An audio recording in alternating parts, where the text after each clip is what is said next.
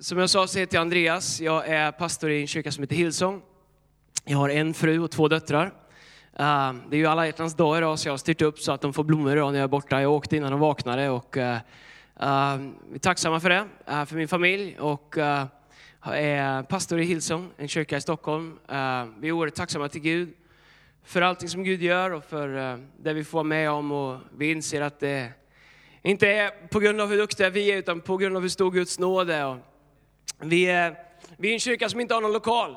Det är, vi är lite som de i Lorry, nu tittar ni kanske inte på sånt här, men, men vi har ingen lokal och vi har aldrig haft någon lokal egentligen förrän vi fick en i, i, i, för några månader sedan i, i, i Arlanda stad. Men in i det som är vår huvud, huvudcampus, om man säger så, in i, in i stan så har vi ingen lokal. Utan vi började i Uffe Larssons eh, teater, eh, han är komikern som har eh, avlidit nu. Och, Därifrån så flyttade vi till en annan teater eh, som hette Boulevardteatern. Därifrån flyttade vi in på en nattklubb eh, som hette Göta källare. Och eh, sen flyttade vi vidare till Nalen. Sen så fick vi lite utmaningar just med den lokalen och vi fick hastigt och lustigt flytta ut därifrån. Och då flyttade vi till en biograf som heter Park som ligger på Stureplan. Och Uh, om en vecka ska vi flytta till uh, Hotell Rival som ägs av Benny Andersson och har en fantastisk teater där, uh, vilket vi är oerhört tacksamma för. Så uh, vår kyrka existerar i våra hjärtan och i många stora packcaser. Så varje morgon så, så packar vi fyra fulla lastbilar med allt ifrån biblar och högtalare och, och, och utrustning till, till söndagsskolan och kör till de, den lokalen som vi är i och sen så har vi möten och sen packar vi ihop det och kör tillbaks på kvällen. Och, Någonstans mellan 250 och 3 volontärer involverade varje söndag i att, att göra gudstjänsterna och, och, och, möta människor. Och det är en fantastisk ära att få vara pastor där. Men det är inte därför jag är här. Jag är här för att predika, jag har ett ord på mitt hjärta. Och, äh, vi hade äh, pingstkonferens för inte så länge sedan, pingstpastor. Och, äh, jag vet inte om du var här på, på mötet klockan fem när äh, Pelle Hörnmark predikade en fantastisk predikan. Men, så, så, så, Pelle är ju ansvarig för den konferensen och, och vi var där och uh, det var fantastiskt i år. Och, um, jag hade förmånen att ha ett seminarium om att leda människor till frälsning. Och, uh, som man gör när man, man inte har material för hela sessionen så öppnar man upp för frågor och svar.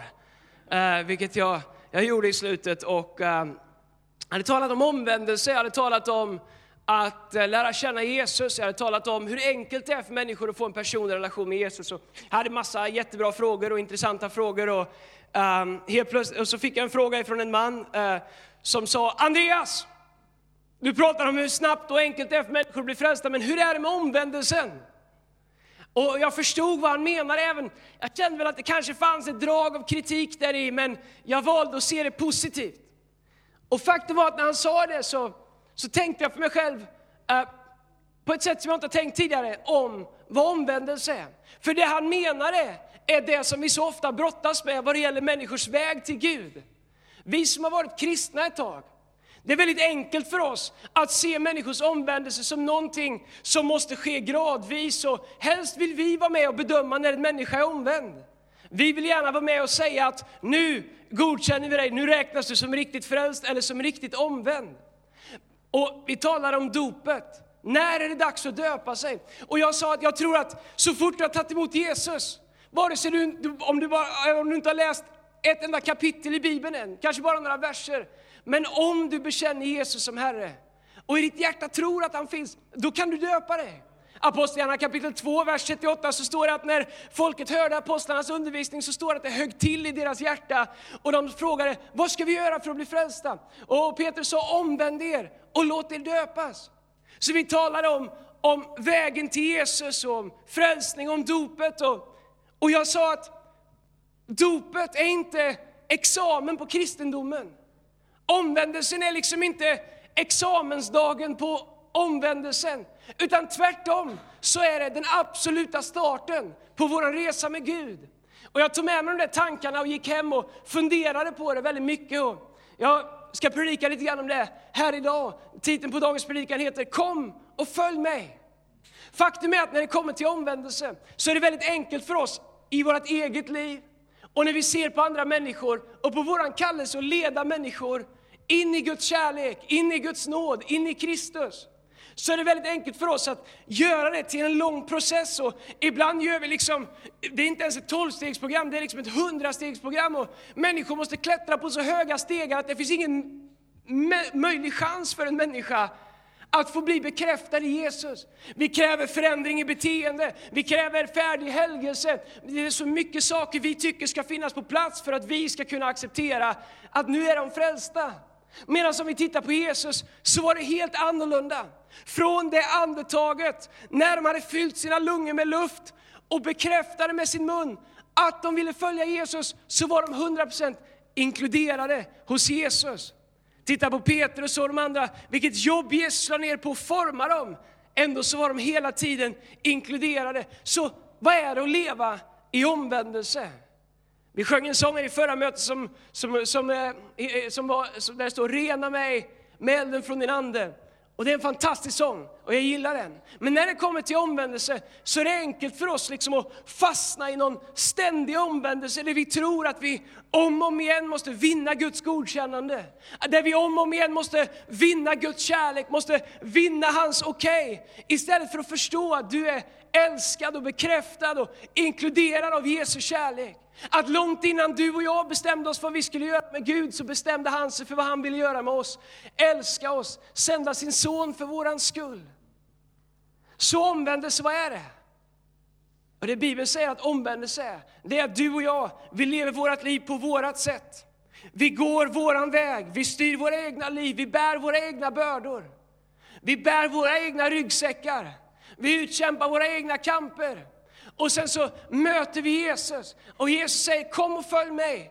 Så vänder vi ryggen till det sätt vi har levt tidigare, kastar våra bördor på Jesus och följer honom. Så när är vi omvända? När vi har nått målet med Jesus eller i det ögonblicket vi vänder oss om? Kolla här vad Jesus gör när han träffar lärjungarna i Markus evangelium kapitel 1, vers 14. Nu är det så här att det är helt riktigt att jag fyller 40 år och jag har egentligen läsglasögon men de har jag glömt så så vi läser sakta och stadigt så ska vi ta oss igenom det här. Markus evangelium kapitel 1, vers eh, 14, så står det så här. Efter att Johannes hade blivit fängslad kom Jesus till Galileen och förkunnade Guds evangelium. Han sa, tiden är inne och Guds rike är nära. Omvänd er och tro på evangeliet. När han gick längs Galileiska sjön såg han Simon och hans bror Andreas. De stod och kastade ut nät i sjön, för de var fiskare. Jesus, jag gillar Petrus. Petrus han är fantastisk, han är, han är full av både ADHD och damp och alla möjliga saker. Han fiskar inte med spö, han fiskar med nät. Mycket fiskar på en gång ska det vara. Och så står det så här, Jesus sa till dem, kom och följ mig. Så ska jag göra dig till människofiskare. Genast lämnade de näten och följde honom. När han kom lite längre fram såg han Jakob, Sebedeus son och hans bror Johannes. De satt i båten och gjorde i ordning sina nät. Och genast kallade han på dem och de lämnade sin far Sebedeus i båten med arbetarna och följde Jesus. Vi får hoppas att Sebedeus kom i land eftersom han blev lämnad i båten där. Men det som händer är att Jesus är ute och går, och han ser Petrus och Johannes och, och som håller på och fiskar. Eller först ser han eh, Simon och Andreas, eh, Simon Petrus och Andreas. Och Jesus går fram till dem. De har ingen plan på att följa Jesus. De har ingen strävan eller längtan efter att leva det liv som Jesus har kommit för att erbjuda. De är fullt upptagna med sitt. De bär sina egna bördor, de jobbar för sin egen brödföda. Så kommer Jesus till dem och han säger, kom, följ mig. Och Petrus säger, absolut, jag måste bara gå en kurs först. Vi har en, vi har, vi har en eh, alfakurs som startar här, inget problem med alfakurser, de är fantastiska. Eller vi har sju steg till frälsning som du kan gå här. Petrus kom och följ mig. Du kan gå den här utbildningen då. Petrus, om du och jag kan ha tio terapisamtal så vi kan gå igenom ditt beteende, ditt temperament och om du kan jobba på de här sakerna så skulle du eventuellt kunna platsa hos mig. Petrus, jag vill att du kommer och följer mig, men först så måste du gå och ta lite medicin och balansera din, dina känslosvängningar. Vi kan inte jobba på det sättet som du har. Men Jesus är inte intresserad av Petrus brist. Han är inte intresserad av Petrus svaghet. Han är intresserad av Petrus hjärta. Så han säger till Petrus med full vetskap om allt som han kommer behöva jobba med Petrus med. Alla Petrus svagheter, fullt medveten om att Petrus kommer ljuga, förbanna Jesus, förneka honom. Så säger Jesus till Petrus, Petrus kom och följ mig. Hur kommer det sig att Jesus kunde använda Petrus. Därför att det står att genast släppte Petrus näten och följde Jesus. Vad var det som kvalificerade Petrus till Jesu gemenskap? Var det hans fantastiska temperament? Var det hans höga sanningshalt i livet? Var det hans mod i, i anklagande stunder utav en tjänsteflicka? Ingenting av det. Tvärtom så målar Bibeln upp en ganska stor brist i hans liv.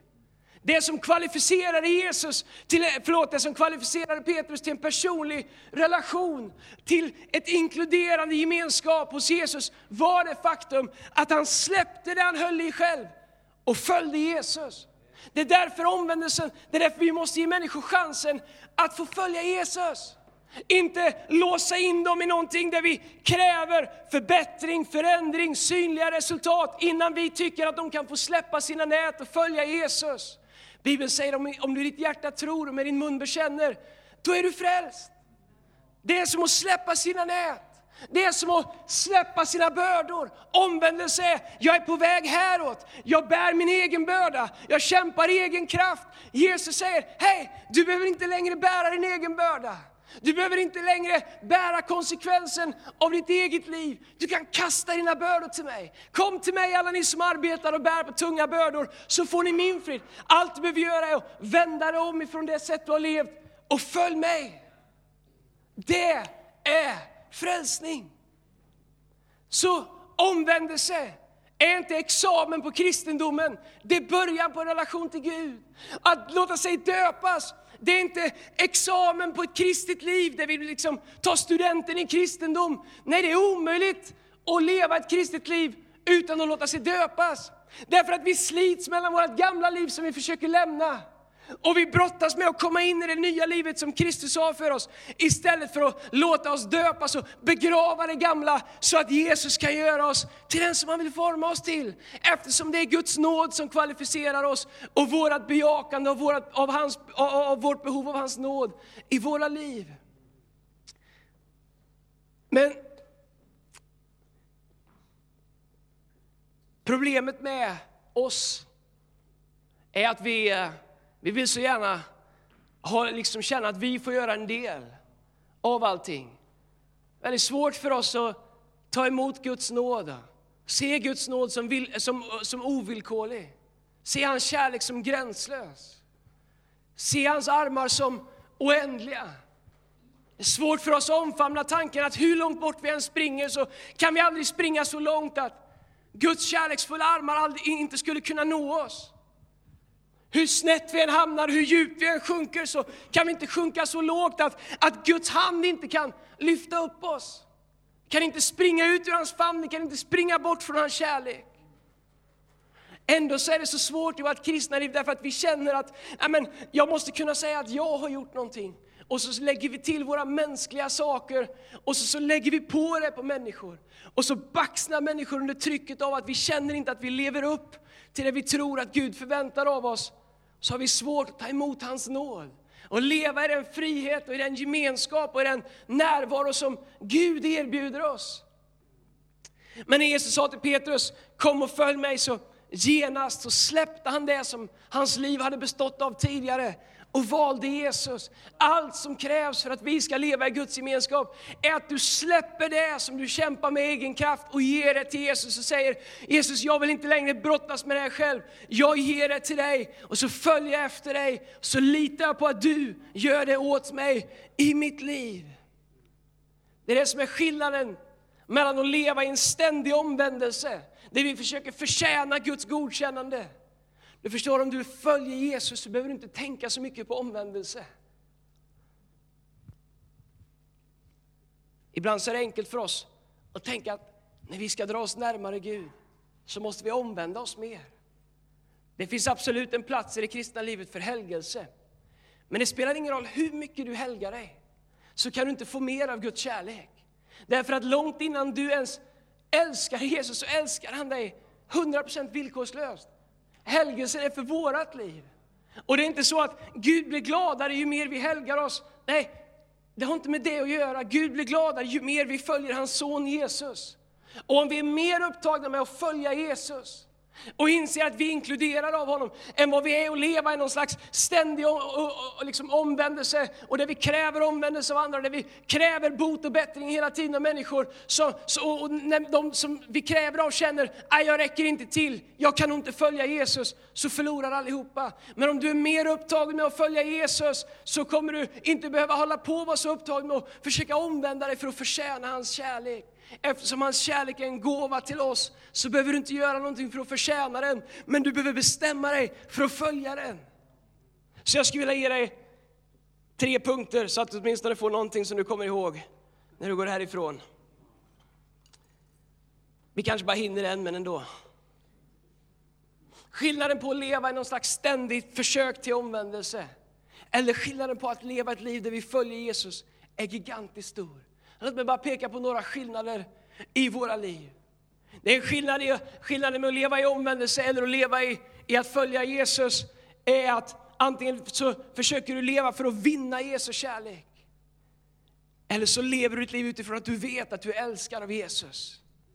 När du faller, försöker du vinna tillbaks Jesu kärlek. Eller när du faller, vet du att du faller i armarna på han som alltid kommer att älska dig. Du förstår när du inser att du kan leva utifrån hans kärlek. Att, du inte har, att din prestation inte definierar ditt värde i Guds ögon. Det jag förespråkar är ingen liksom slapphet, vi kan leva hur som helst. Tvärtom. Men, men, men det, det, är Guds godhet som leder oss till omvändelse. Det är insikten om hans nåd och hans kärlek. Kolla här vad Paulus skriver till romarna i kapitel 5, vers 6. Så står det så här, för när tiden var inne, medan vi ännu var maktlösa, dog Kristus i de ogudaktiga ställe. Knappast vill någon dö ens för en rättfärdig. Jo, kanske vågar någon dö för den som är god. Men Gud bevisar sin kärlek till oss genom att Kristus dog för oss medan vi ännu var syndare. Det betyder att du behöver inte försöka vinna Jesu kärlek. Därför att långt innan du ens bejakar honom så älskar han dig. Hans kärlek, ty så älskade Gud den här världen, att han gav den här världen sin enda son. Så långt innan du gav respons till Gud, så gav han allt till dig. Så du kan leva trygg i att du älskar. Du behöver inte leva under fördömelse, där du försöker vinna hans kärlek. Därför att det var Gud som initierade vår kärleksrelation med honom. Allt vi behöver göra är att respondera till den. Vi lever i ett prestationsbaserat samhälle. Min dotter hon är nio år. Och hon har fått ett mycket kontrollerat Instagramkonto och jag är mycket ambivalent till det där. Man kan inte följa henne utan att jag godkänner det. Hon har bara fyra stycken eller fem stycken som får följa henne. Det är jag och Lina och, och min syster och vår barnpastor och någon till. Och det är hårt kontrollerat. Hon sa att det finns en kille i hennes klass som gärna vill följa henne. Jag sa jag, jag behöver veta vad han heter och var han bor.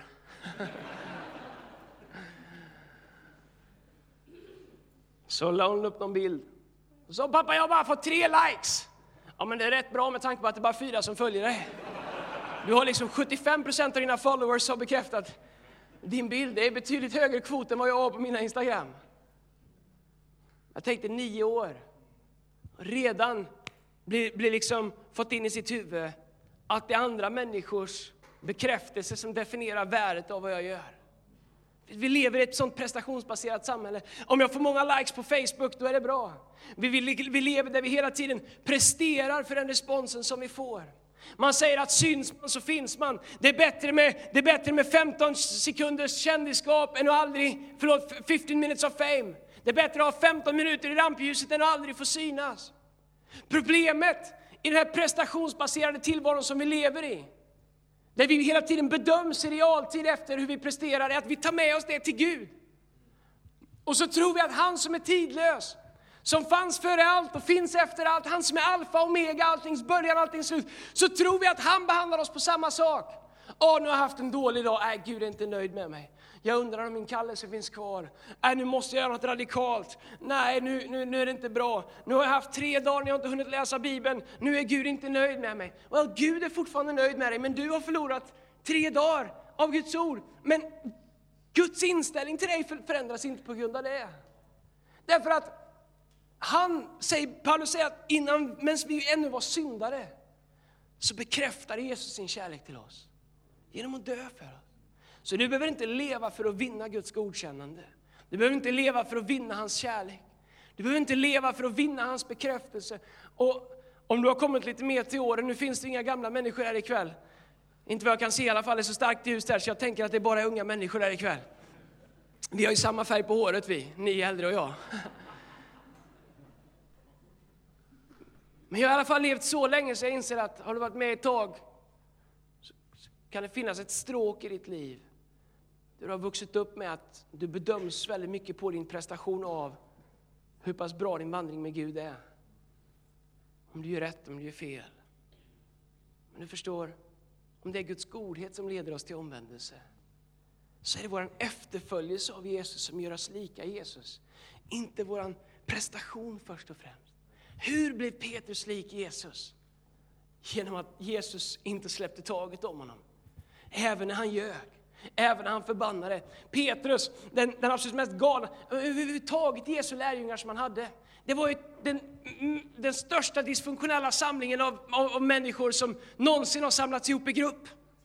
Ja, man hade kunnat forska på de här tolv. Jag tänker om jag hade varit Jesus och kommit ner, jag hade ju valt ut de vassaste knivarna i lådan som fanns. Inte valt ut liksom de mest dysfunktionella. Här har du Petrus, en liksom helt rabiat människa. Han är ju han är, han är too much. Han är, hade man haft diagnoser på den tiden så hade han tickat varenda box som finns. ADHD, ADD, DAMP, OCD, alla, alla som hade funnits. Tänk till exempel när Jesus ska tvätta alla lärjungarnas fötter. Petrus säger, nej Jesus du kan inte tvätta mina fötter. Jesus säger, om inte jag får tvätta dina fötter så får du ingen del av mig. Och Petrus han nöjer sig med fötterna. Han gör liksom kanonkulan i det där handfatet och säger, tvätta hela mig. Det är Petrus, han är allt eller inget. Han står i ett semane när hela romerska armén kommer, vältränade elitförband. Där står Petrus, en fiskare som aldrig hållit i ett svärd. Så kommer de dit och Petrus han drar upp ett svärd, han snor ett svärd, hugger av ett öra på någon. Och jag, det är som att jag kan tänka mig att Jesus står och tittar på honom och tänker, vad är ditt nästa drag Petrus, hur har du tänkt nu? Ett helt elitförband här och du står här, en fiskare med ett svärd. Vad tänkte du steg två, hur, hur, hur ser du det här liksom play out? Nej, jag tänkte inte på det. Nej, men stoppa tillbaks det där svärdet och så fixar vi till örat Petrus och så gör vi om och gör rätt. Men du förstår, trots alla Petrus misslyckanden så gav Jesus aldrig upp på honom. Han försköt honom aldrig. Han sa aldrig Petrus, nu har du haft en dålig vecka, nu får du sitta längst ner vid bordet. Jag orkar inte med det längre. Jag är övertygad om att han tänkte det, men han sa det aldrig. Han har Judas som förråder honom, går och hänger sig. Han har Johannes som får chansen att skriva ett eget evangelium och passa på att tala om, skryta om sig själv och säga hur mycket att jag är den som Jesus älskar lite extra. Han var Johannes lite av en pajkatös som vi kallar det där jag kommer ifrån. Det står att han tyckte om att lägga sitt huvud på, på Jesu bröst. Och jag tänkte Jesus, vad i all sin ska vi sitta här och kramas, vi ska förändra världen. Alltså det var ju inte, det var liksom ingen så special forces som Jesus satte ihop direkt till att förändra världen. Ändå så inser jag att det fanns ingenting de kunde göra som fick Jesus att förskjuta dem. Jesus är trogen Petrus in i det sista. Det är inte Petrus prestation som förtjänar honom en plats i Jesu närvaro. Vad var det som gjorde att Petrus fick vara kvar hos Jesus? Det beror på det vi precis läste. När Jesus sa till Petrus, kom och följ mig. Genast släppte Petrus nätet. Petrus hade släppt taget om det som han höll, om, höll, höll fast i själv. Han höll inte längre fast i sin gamla trygghet. Han höll inte längre fast i sitt gamla liv. Han släppte det och så följde han Jesus. Min vän, du behöver inte leva för att vinna Jesu kärlek, därför att du kan inte förlora den. Det är bättre att du lever för att följa Jesus, utifrån att du vet att du är älskad. Vad skulle du göra om du verkligen visste, av hela ditt hjärta, ända in i skelettet, att Jesus verkligen älskar dig, att han är glad över dig, att han är stolt över dig, att när han tänker på dig så blir han glad. Men det är väldigt svårt för oss, för vi tar in vår egen prestation och så lägger vi det som ett filter för Jesus. Så det första är att inte leva för att vinna Jesu kärlek, utan att leva utifrån att veta att du älskar av Jesus. Det andra jag skulle vilja tala med dig om det är att inte leva för att få förlåtelse för din synd. Utan leva för att leda andra människor till försoning. Om du lever i någon slags ständig omvändelse, där du hela tiden måste omvända dig, omvända dig. Jag var och predikade i en kyrka här i USA. Jag frågade vad är det för möte ikväll? Ja, vi har omvändelsemöte. Ja, e-, evangelistiska predika om Jesus? Nej, det är omvändelse. Jaha, för ofrälsta? Nej, nej, det är för oss. Vi ska rena oss och omvända oss. Jag tänkte, ni, jag sa, ni, vi är väl frälsta allihop? Har vi inte viktigare saker att stå här liksom och bara tugga på liksom att någon körde för fort igår och någon var arg på sin fru? Och det kan vi väl sortera ut ganska fort. Det finns ju människor som aldrig hört talas om Jesus. Det är så enkelt för oss att fastna i det vi tycker är så heligt. Bli lite bättre, förfina det lite till. Det finns människor som behöver någonting att äta. Jag tror att Jesus kan stå ut med att jag körde lite för fort på vägen hit i morse. Det är inte bra, jag ska skärpa mig på vägen hem. Men, men jag behöver inte ta en hel kväll och hålla på med det. När det finns människor ikväll som går till söms misshandlade av sin man. Barn som går till söms med föräldrar som är aspackade. Människor som inte vet hur de ska få upp till hyran. Det finns ju riktiga behov i världen. Och du och jag, vi kan antingen fastna i vår egen förlåtelse, vår egen helighet, där vi ska vara inför Gud och förbättra oss och förfina oss och förädla oss. Och absolut, det finns en plats för det. Men det Gud har kallat oss till är inte att sitta liksom och förfina oss själva. Han har kallat oss till att leda andra människor till försoning med Jesus, till att leda andra människor in i Guds kärlek. Du leder andra människor in i Guds famn, in i hans godkännande, in i hans himmelska frid och vila. Så att andra människor kan få hopp. Och om vi bara orkar ta bort blicken från oss själva, om vi kan stå ut bara lite grann med vår egen brist, även mitt ibland oss när den syns. För att vi är här för ett högre syfte. Du måste inte bli perfekt för att följa Jesus. Du måste bara släppa det du håller i och ge det till Jesus och låta honom få jobba med det. Och vi måste orka med, på samma sätt som Jesus orkade med tre år av Petrus, måste vi orka med det faktum att Gud använder ofärdiga människor. Det är ingen licens till att leva i synd på något sätt, det är bara ett skifte av fokus. När vi fokuserar på vad Gud har kallat oss till att göra. När vi lyfter våra ögon från vår egen navel. När vi sitter och försöker dra ut mer och mer ludd i vår egen navel och ser att det finns en hel värld här ute som längtar efter Jesus. Fast de inte ens vet att det är det de längtar efter. Det finns människor med riktiga frågor som behöver riktiga svar på det här livet. Och vi har svaret. Vi sjunger Jesus han är svaret. Men människor säger vad är frågan? Det är ju vi som har svaret. Därför är det bättre för oss att sluta hålla på, peta i varenda liten grej i vårt liv och leva i fördömelse och förkastelse.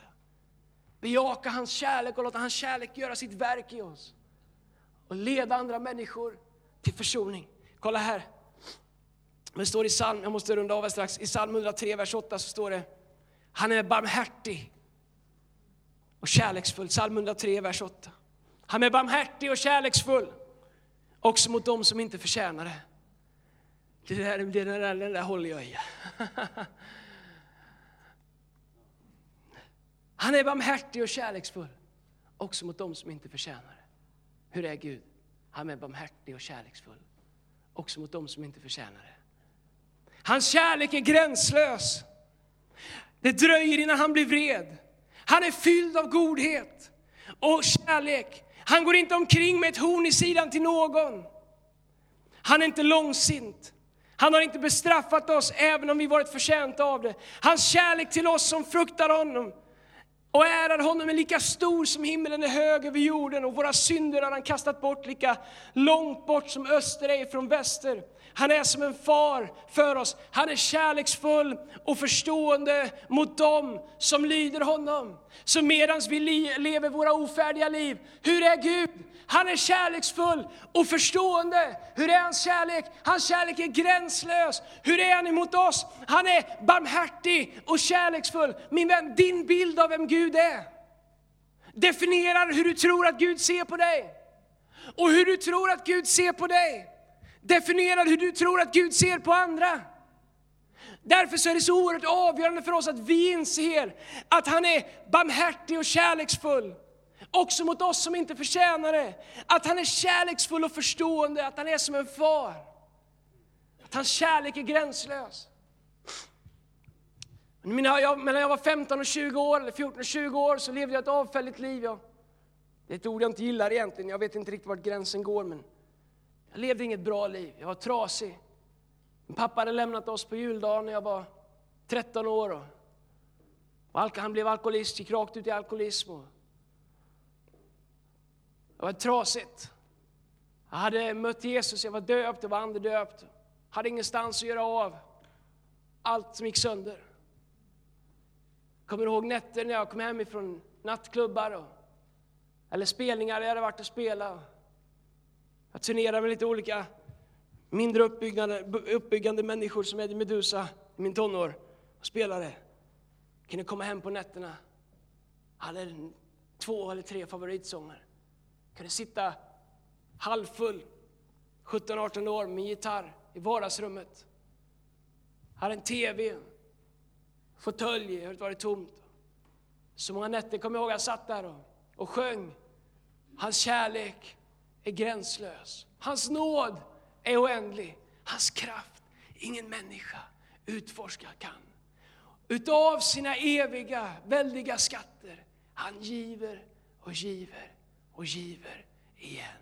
Han ger mera nåd när din börda blir större. När arbetet växer, mer kraft han beter. Och i de här sångerna så formades min bild av Gud. Och i mina värsta stunder så var bilden av Gud som mest kärleksfull. När jag var som minst så blev han som störst. Min vän, det finns en värld där ute som längtar efter hans kärlek utan att ens förstå att det är det de längtar efter. Låt oss lyfta våra ögon från våra petitesser, från våra småaktigheter, från våra, det här självfokuseringen som vi så gärna fylls av. Lyfta våra ögon och se människors behov. Och låta hans kärlek få bli verklig i människors liv. Bara den som inser att han är förlåten kan leda andra människor till förlåtelse. Bara den som inser att han är försonad av hans nåd kan leda andra människor in i försoning. Bara självupptagna människor drar andra människor in i sin egen självupptagenhet. Jag hinner inte med mina andra punkter, men jag skulle vilja avsluta med det här. Jag skulle vilja be fantastiska pianisten Joakim kom upp och spelade. Jag var så glad när han var här. Jag kunde knappt sjunga på hela lovsången, jag bara lyssna på när han spelade. Det står i Matteus kapitel 11. Jesus talar till dem som är tunga, bär på bördor. Att följa Jesus och leva i hans kärlek, det är som att andas.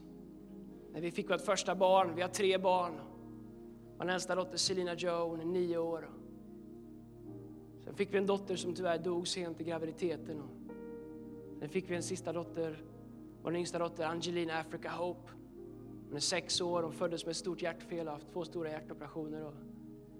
vår äldsta dotter när hon föddes, hon fick RS-virus och första veckorna var lite sådär kämpiga och hon hade svårt att andas. Och hon fick ligga, vi fick ligga, lägga lite kuddar under henne, gav henne lite Ventolin och sådär nybliven förälder. Jag kommer ihåg första nätterna när man kom hem från BB. Låg och lyssnade på andetagen. Jag tror inte jag sov något på en vecka. Andas hon. La speglar över, över näsan och lutade mig över. Hon sov ju, hon tänkte inte på det. Och höll hon upp andan liksom bara någon sekund så var jag där och kollade. Ni vet första barnet, man tänker här gäller det att hålla koll. Inte för att det finns så mycket jag kan göra åt. Sen inser jag att hon bara andas. Det är någonting som bara sker. Utan att hon ens försöker så, så andas hon bara. Så min yngsta dotter när hon, hon har lite problem med hjärtat och hennes feber går upp för snabbt så börjar hennes kropp att stänga av blodtillförseln till armar och till ben och fokusera på de vitala delarna, se till att de får blod. Det kan hända vem som helst, men henne är det lite känsligare med. Jag kommer ihåg första gången vi upplevde det. Och vi såg hur hon hyperventilerade, hur hon kämpade för att få luft. Febern exploderar upp och hennes armar och ben började bli blåa och läpparna och ansiktet var blått. Och ju mer hon kämpade och hyperventilerade för att få luft, ju mindre luft fick hon. Jag tänker att det är så med våra liv i Gud. Det finns antingen de som bara andas, man lever i hans närhet. Det blir liksom utan att vi ens tänker på det, vi accepterar hans godhet. Vi accepterar hans kärlek. Vi andas in. Men det finns alldeles för många hyperventilerande kristna. Tyvärr så är de karismatiker överrepresenterade i den här gruppen. Och jag är själv karismatiker, jag tror på den helige Ande och andedop och you name it. Men det är så enkelt för oss liksom att hyperventilera oss in i Guds närvaro. Vi tror att vi måste ta i och vi tror att vi måste skärpa oss. Ju mer karismatiskt det blir ibland ju Högre brösttoner är det. Vi tar i så vi nästan kräks. Gud, nu måste du vara nöjd med oss. Som slags hyperventilation, andlig hyperventilation. Istället för att inse den nåd som finns i att bara leva avslappnat i hans nåd, i hans kärlek och veta att det var inte vi som valde honom, han valde oss. Och det ögonblick vi gav respons till hans kärlek så blev vi fullt ut accepterade. Det finns ingenting du kan göra för att förlora hans kärlek. Bibeln säger att inget kan rycka dig ur hans hand, inget kan skilja dig från hans kärlek. Om någon kommer till Kristus så kommer han sannerligen inte stöta bort dem. Men kolla här vad det står. I Matteus kapitel 11, vers 28, jag ska läsa på engelska, jag ber om ursäkt om det inte är ditt modersmål, men det står så bra i the message. Jesus talar till sin publik där i Matteus 11 och 28 så säger han, Are you tired? Are you worn out? Burned out on religion? Come to me. Get away with me and you'll recover your life. I'll show you how to take a real rest. Walk with me and work with me. Watch how I do it. Learn the unforced rhythms of grace. I won't lay anything heavy or ill fitting on you. Keep company with me and you learn to live freely and lightly. Jag älskar det här bibelordet. Jag har läst det här så mycket det sista. Jag ska, jag ska vara ärlig med att säga att 2014 har varit ett fantastiskt år för oss. Men det har varit ett oerhört utmanande och uttröttande år. Jag gick in i julen absolut helt som en urvriden trasa. Vi har gått från en campus till två campus, vi har bytt lokaler, vi har åkt ur lokaler, vi har varit positiva tidningar, vi har varit negativa tidningar, vi har gjort tv-gudstjänst. Det har varit ett fantastiskt år, men jag var trött helt tom på kraft, så hamnar jag i det här bibelordet. Och jag inser att jag måste sluta hyperventilera. Bibeln talar, Jesus talar om the unforced rhythms of grace, den oforcerade rytmen av nåd.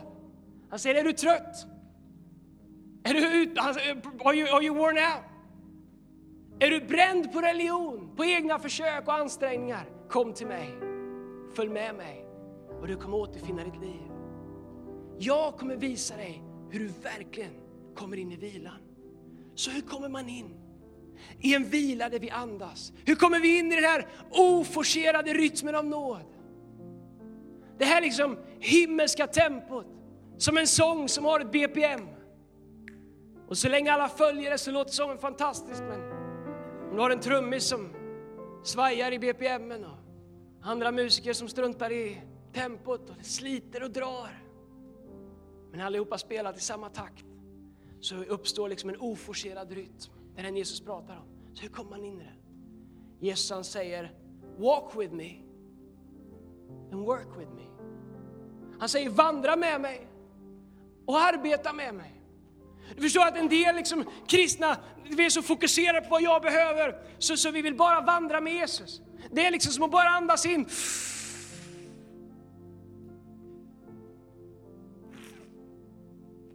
så fulla liksom. Det är som, det är så andligt förstoppade, det är som bara äta, äta, aldrig gå på toaletten.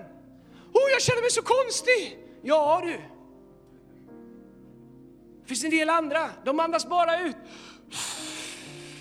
De hittar sin bekräftelse i Gud i vad de gör. Jag måste göra mer. Nu har jag, jag har läst ett kapitel om dagen i en vecka, nu jag borde ha läst två. Har du läst två så borde du ha läst tre. Har du kommit på bönen varje vecka i tre år och missar en bön så, så tänker jag borde inte ha missat det. Du bara andas ut. Du tror, du tror att Gud bekräftar det ju mer du andas ut. Men han säger, walk with me and work with me. Det är inte antingen eller. The unforced rhythms of grace. Det är precis som att andas, det är precis som min äldsta dotter när hon bara ligger där och oforcerat andas. Du förstår, för att kunna leva i hans nåd, leva i hans kärlek, för att kunna följa honom så måste vi komma in i den oforcerade rytmen av nåd. Lär oss att andas in. Därför att när du andas in hans kärlek så andas du ut hans kärlek till din nästa. Hur kan vi älska våra nästa bara genom att andas in hans kärlek? När du andas in hans nåd så kommer du andas ut din oms hans omsorg till andra människor. När du andas in hans kraft så kommer du kunna andas ut hans tjänande. När du andas in hans förlåtelse så kommer du kunna leda andra människor till försoning. Och helt plötsligt så kommer du in i hans oforcerade rytm av nåd där han säger Walk with me and work with me. Vandra med mig och arbeta med mig. Det är inte bara vandra med honom och vill bara ha mer av Jesus. De flesta av oss vi behöver inte ett dugg mer av Jesus förrän vi gör någonting med det vi har fått. Vi måste andas in och andas ut. Du kommer uppleva hur att följa Jesus kommer förändra ditt liv. Kommer uppleva hur du kan andas in, andas ut och komma in i hans oforcerade rytm av nåd. Jag upplevde i januari hur Gud ledde mig in i en helt annan unforced rhythm of grace. En helt annan vila. Jag fick släppa taget om att försöka vinna hans bekräftelse. Så mycket i mitt liv att växa upp utan en pappa har handlat om att vinna människors bekräftelse. Starta en kyrka från scratch som kanske inte hade så många fans från början har handlat om att visa att det är på riktigt. Få folks bekräftelse. Men allting måste landa i att vi inser att medan vi ännu var syndare så gav han sitt liv för oss. Så gav han oss sin bekräftelse. Så gjorde han allt som krävs för att du ska veta att det finns inget du kan göra för att få någonting mer av hans kärlek. För han kan inte älska dig mer än vad han redan gör. Hans kärlek är gränslös. Hans nåd är oändlig. Ska vi göra så att vi står upp tillsammans?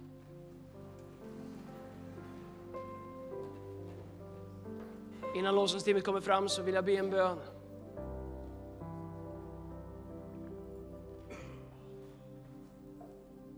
Men om du är här idag som en kristen fastnar inte i en ständig omvändelse som är som att åka på en karusell där du inte kommer någonstans. Släpp taget om det och börja följa Jesus. Vandra med honom och tjäna honom. Precis som Jesus säger, vandra med mig och tjäna mig. Inse att du är förlåten. Gör som Petrus gjorde, bara släpp taget om det du håller i. Jesus kommer till Petrus och säger, Petrus kom och följ mig. Genast släppte Petrus näten. Jag undrar vad du behöver släppa, som du håller tag i så hårt för att kunna följa Jesus. Komma in i hans vila, få uppleva hans kärlek, få uppleva hans nåd. Du förstår, ibland så undrar jag om det är det som jag håller så hårt i våra händer som hindrar oss från att kunna omfamna det som Jesus försöker ge oss. Och, och så håller vi med vita knogar fast i det som vi tror att vi måste ha. Och säger vi Jesus, varför ger du mig aldrig det jag ber om? Och Jesus säger, jag har gett det till dig tusen gånger, men dina händer är upptagna med att hålla fast i det du har valt. Det finns ett ögonblick av risk och tro där vi måste släppa taget. För en del kanske det är att släppa taget om en oförrätt. För en del kanske det är att förlåta någon som har gjort någonting. Du håller fast i någonting som har skett. För en del utav er är det att våga släppa taget i att när en kyrka växer och går framåt och förändras så blir en del saker annorlunda, det blir inte som det alltid har varit. Och istället för att hålla fast frenetiskt i allt som har varit och vilja ha allt som det alltid har varit och våga lita på Gud och, och släppa näten och säga Jesus, vart du än går så är vår ambition att följa dig. För en del så kanske det är någonting som du har gjort, du kanske har fallit, du kanske har du kanske lever med någon hemlighet där du lever i, i synd och, och du, varje gång vi lovsjunger, varje gång du är i kyrkan så är du totalt blockerad därför att du tror att Gud dömer dig stenhårt. Så håller du fast i det där och vågar inte släppa taget och ta emot hans nåd och hans kärlek. En del av er så är att ni har aldrig vågat ge Gud en chans i ert liv. Ni har aldrig gett Jesus en möjlighet i era liv. Du är intresserad. Här ikväll så känner du att det finns någonting i rummet. Och när jag säger att Jesus älskar dig, att det inte finns någonting du kan göra för att få honom att älska dig mer. Att långt innan du bestämmer dig för vad du kommer göra med Jesus så har han bestämt sig för att älska dig villkorslöst. Oändligt. För en del av er, ni måste bara släppa taget om det faktum att ni inte har svaret på alla frågor om Gud. Men du förstår, du kommer aldrig få svaret på dina frågor om Jesus förrän du lär känna honom. Det är i mötet med honom som han blir på riktigt. Det är mötet och upplevelsen av Jesus som, som han blir verklig. Och där, när du vågar släppa taget om det som du kanske tvekar över eller tvivlar på och säger Jesus om du finns, kom in i mitt liv. Jag skulle vilja upptäcka dig, jag skulle vilja lära känna dig. Så blir han verklig.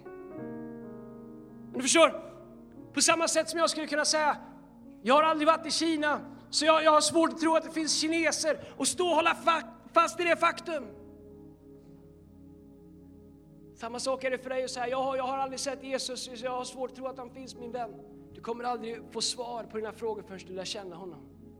Han är inte en tes, han är inte en tankekonstellation, han är en verklighet. Han är ett beslut bort ifrån och blir verklig i ditt liv. Jag skulle vilja be här ikväll. Jag vill be för dig först som är här idag som aldrig har tagit chansen och fattat ett personligt beslut om att ge Jesus en chans i ditt liv. Förstår du, det finns ingenting du behöver göra för att vinna honom. Det finns ingenting du måste ändra på här och nu. Det finns ingenting du måste fixa här och nu för att få ett eget relation med Jesus, få en egen upptäckt av honom. Här och nu kan du säga Jesus om du finns, Jesus om du är den. De säger att du är, kom in i mitt hjärta, jag vill lära känna dig. Bibeln säger att ditt hjärta har en dörr. Att, att det finns en dörr på ditt hjärta och att, att Jesus knackar på den dörren. Men du förstår, grejen med ditt hjärtas dörr är att den går bara att öppna inifrån. Det är bara du som kan öppna den.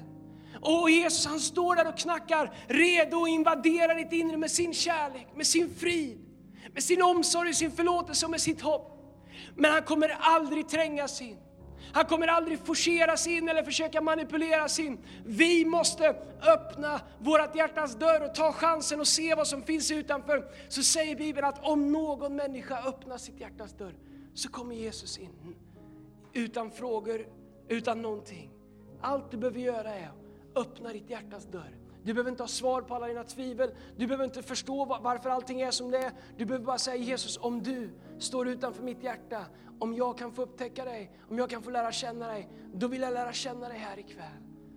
Öppna ditt hjärta och säg Jesus om du är där och säger att du är kom in i mitt liv. Där är han. Där är hans kärlek. Där kommer du upptäcka honom.